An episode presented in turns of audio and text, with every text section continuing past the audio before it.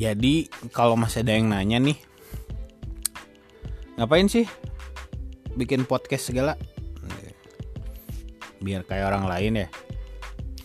Iya, memang biar kayak orang lain.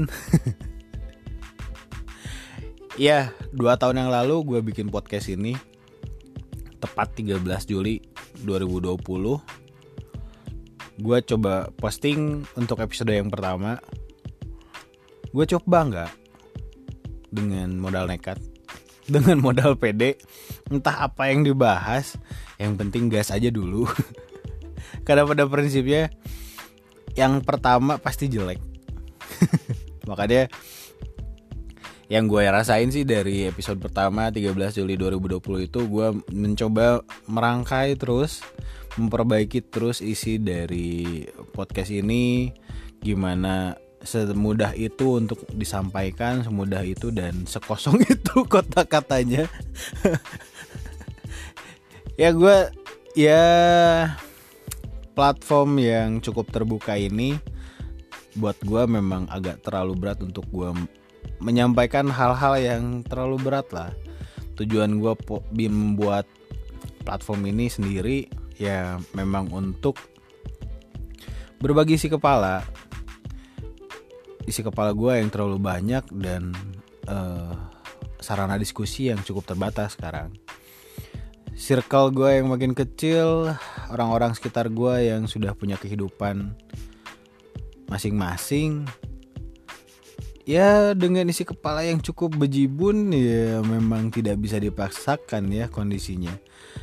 Ya kita sebagai manusia cukup senang untuk berinteraksi lah dengan orang yang orang banyak orang diskusi-diskusi soal kehidupan soal negara soal yang lainnya. Itu cukup menarik lah kalau buat gue. Cuman kan dengan circle yang makin kecil keterbatasan area untuk berdiskusi dengan orang-orang sekitar gue ya akhirnya gue bikin platform ini yang gue yakini bahwa platform ini bisa untuk mengeluarkan isi kepala gue dan bisa berbagi cerita atau ada orang-orang yang ingin bercerita di platform ini pun gue pasti dengan senang hati. Karena memang di sini orang yang familiar dengan gue bisa dengar suara gue langsung. Orang-orang yang ingin mengapresiasikan suaranya di sini beberapa kali gue memberikan sarananya ya memang tujuannya untuk seperti itu gitu. Karena memang gue yakini setiap orang itu punya isi kepala yang sangat hebat-hebat kita ya gue di sini nggak harus menekankan bahwa apa yang di sini tuh harus berisi nggak juga cukup hal-hal yang ringan menyenangkan dan cukup dirasakan oleh kalian yang mendengarkan dari tiap episodenya gitu. Meskipun terkadang ada hal-hal yang gue paksakan dalam tema setiap episodenya itu ah gue yakin nih atas idealisme gue menghasilkan episode yang A, B, C gitu. Yang akhirnya membuat episode tersebut tidak produksi kawan-kawan. Itulah. Kadang idealisme membunuh untuk hal yang mestinya bisa keluar dan bisa dinikmati oleh halayak banyak gitu. Kadang terasa merasakan ideal sebuah produk itu baik untuk satu hal dan mungkin kurang baik untuk hal yang lain karena memang yang namanya sebuah produk yang ideal itu terbentuk atas pasarnya sendiri kan makanya ya gue juga dengan modal keyakinan PD dan materi seadanya selalu membuat episode-episode di podcast Om Jody ini gitu. Dua tahun bukan dua tahun bukan waktu yang sebentar sih menurut gue untuk bisa tetap menyayangi podcast ini. Di samping episodenya bolong-bolong kadang sekian bulan gue nggak ngisi, sekian lama gue nggak ngisi dengan beberapa proses ya.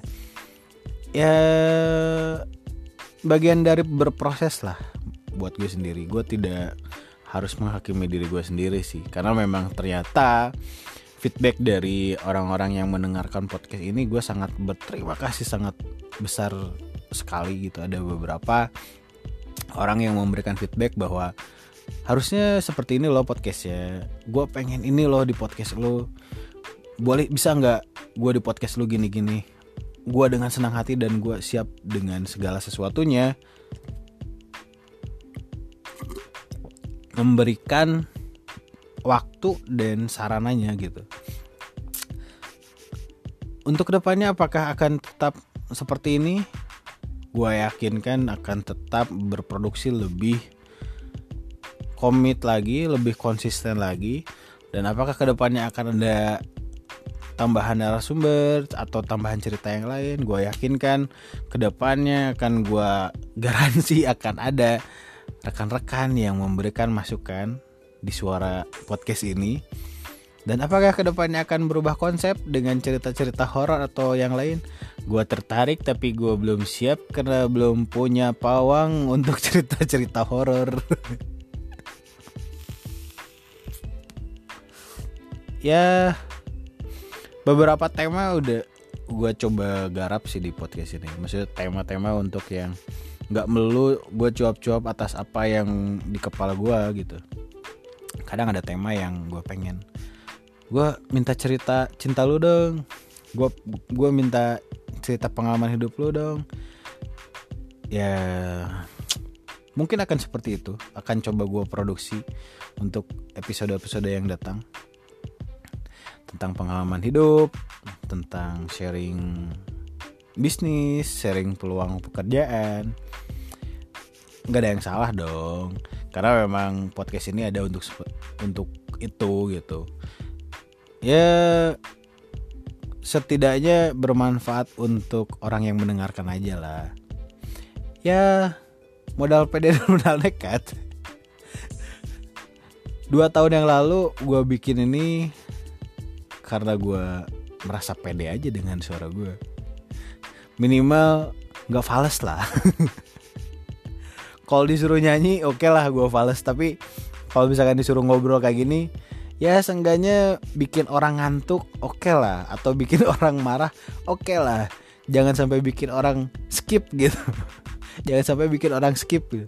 karena emang uh, itu modal yang gue punya gitu. Modal suara modal bacot yang gue rasa ini bisa nih jadi jadi sesuatu gitu. YouTube muka gue nggak kamera jenik. Radio hmm radio gue nggak nggak nggak jenik itulah pokoknya. Yang penting gue sekarang ada platform platform yang gue produksi sendiri gue sayangin ini dua tahun. Ya anak dua tahun udah bisa apa sih harusnya orang sekitar gue aja dua tahun ini udah ada anaknya yang dua. Dua tahun ini udah ada anak yang masuk kelas dua. Dua tahun ini ada yang nikah untuk kedua kalinya.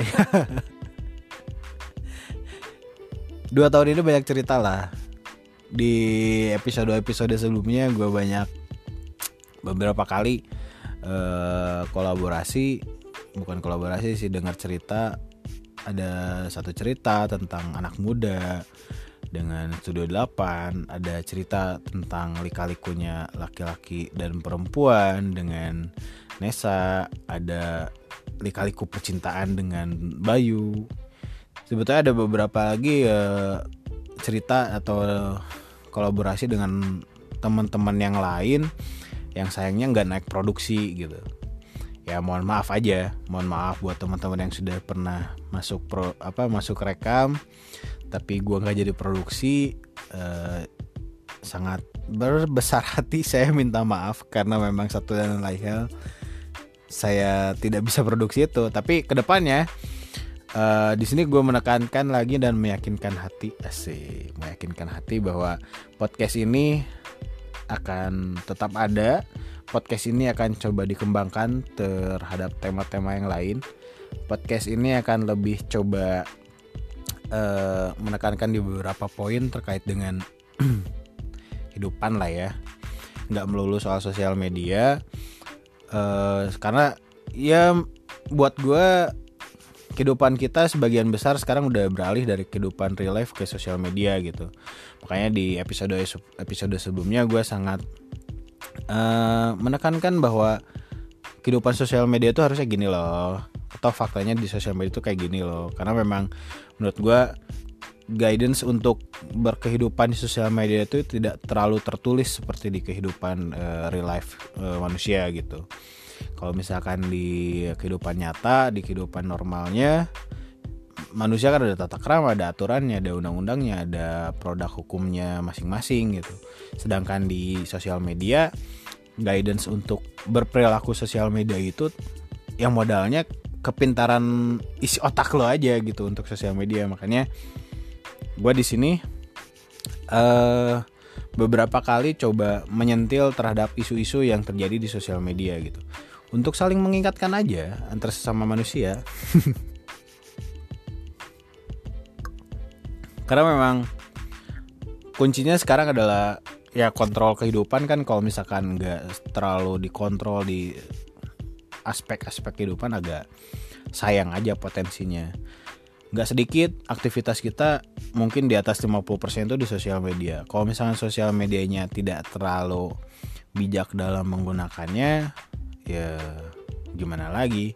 Makanya banyak istilah uh, social justice warrior ya akhirnya orang-orang yang menyuarakan sesuatu yang ada di sosial media gitu. Cuman konteks dari social justice warrior itu agak sedikit hmm, tergaris bawahi, makanya gue beberapa episode sebelumnya itu coba menyentil beberapa isu yang terkait dengan apa yang terjadi di sosial media dan meng saling mengingatkan gue pun tidak terlalu bijak bersosial media tapi bagaimana kita sebagai manusia yang memiliki akal dan pendidikan seenggaknya bisa berperilaku selayaknya manusia lah ya. Karena nggak nggak sedikit lah untuk orang-orang yang berperilaku sosial media itu tapi berperilakunya seperti bot eh, seperti robot. Dia digerakkan tapi nggak punya otak gitu. Makanya di sini di eh, podcast ya Jod ini genap 2 tahun. Selamat uh, menikmati aja. Thank you yang sudah mendengarkan podcast podcast Om Jod di episode-episode sebelumnya. Kekurangan dari episode 2 tahun ini akan menjadi sebuah pembelajaran buat gue sebagai tim produksi sendiri. Untuk bisa ke depannya lebih baik. Uh, mohon maaf juga kalau misalkan selama 2 tahun ini banyak kekurangan dan uh, mohon doanya juga untuk dua tahun-tahun ke depannya semoga podcast ini bisa uh, tetap ada dan tetap bisa berkonsisten, tetap ada untuk saling mengingatkan kita sebagai uh, makhluk sosial. Karena platform ini cukup besar dirasa semua uh, media akses di uh, Anchor di Spotify ada juga di Apple Podcast juga ada semuanya bisa diakses dengan nama sesuai dengan podcast ini Om Jod Podcast atau podcast Om Jod Oke sekali lagi thank you terima kasih yang sudah mendengarkan selamat ulang tahun podcast Om Jod terima kasih untuk semua yang tetap setia menanti dan tetap memberikan masukan terhadap podcast ini. Big thanks untuk semuanya. See ya.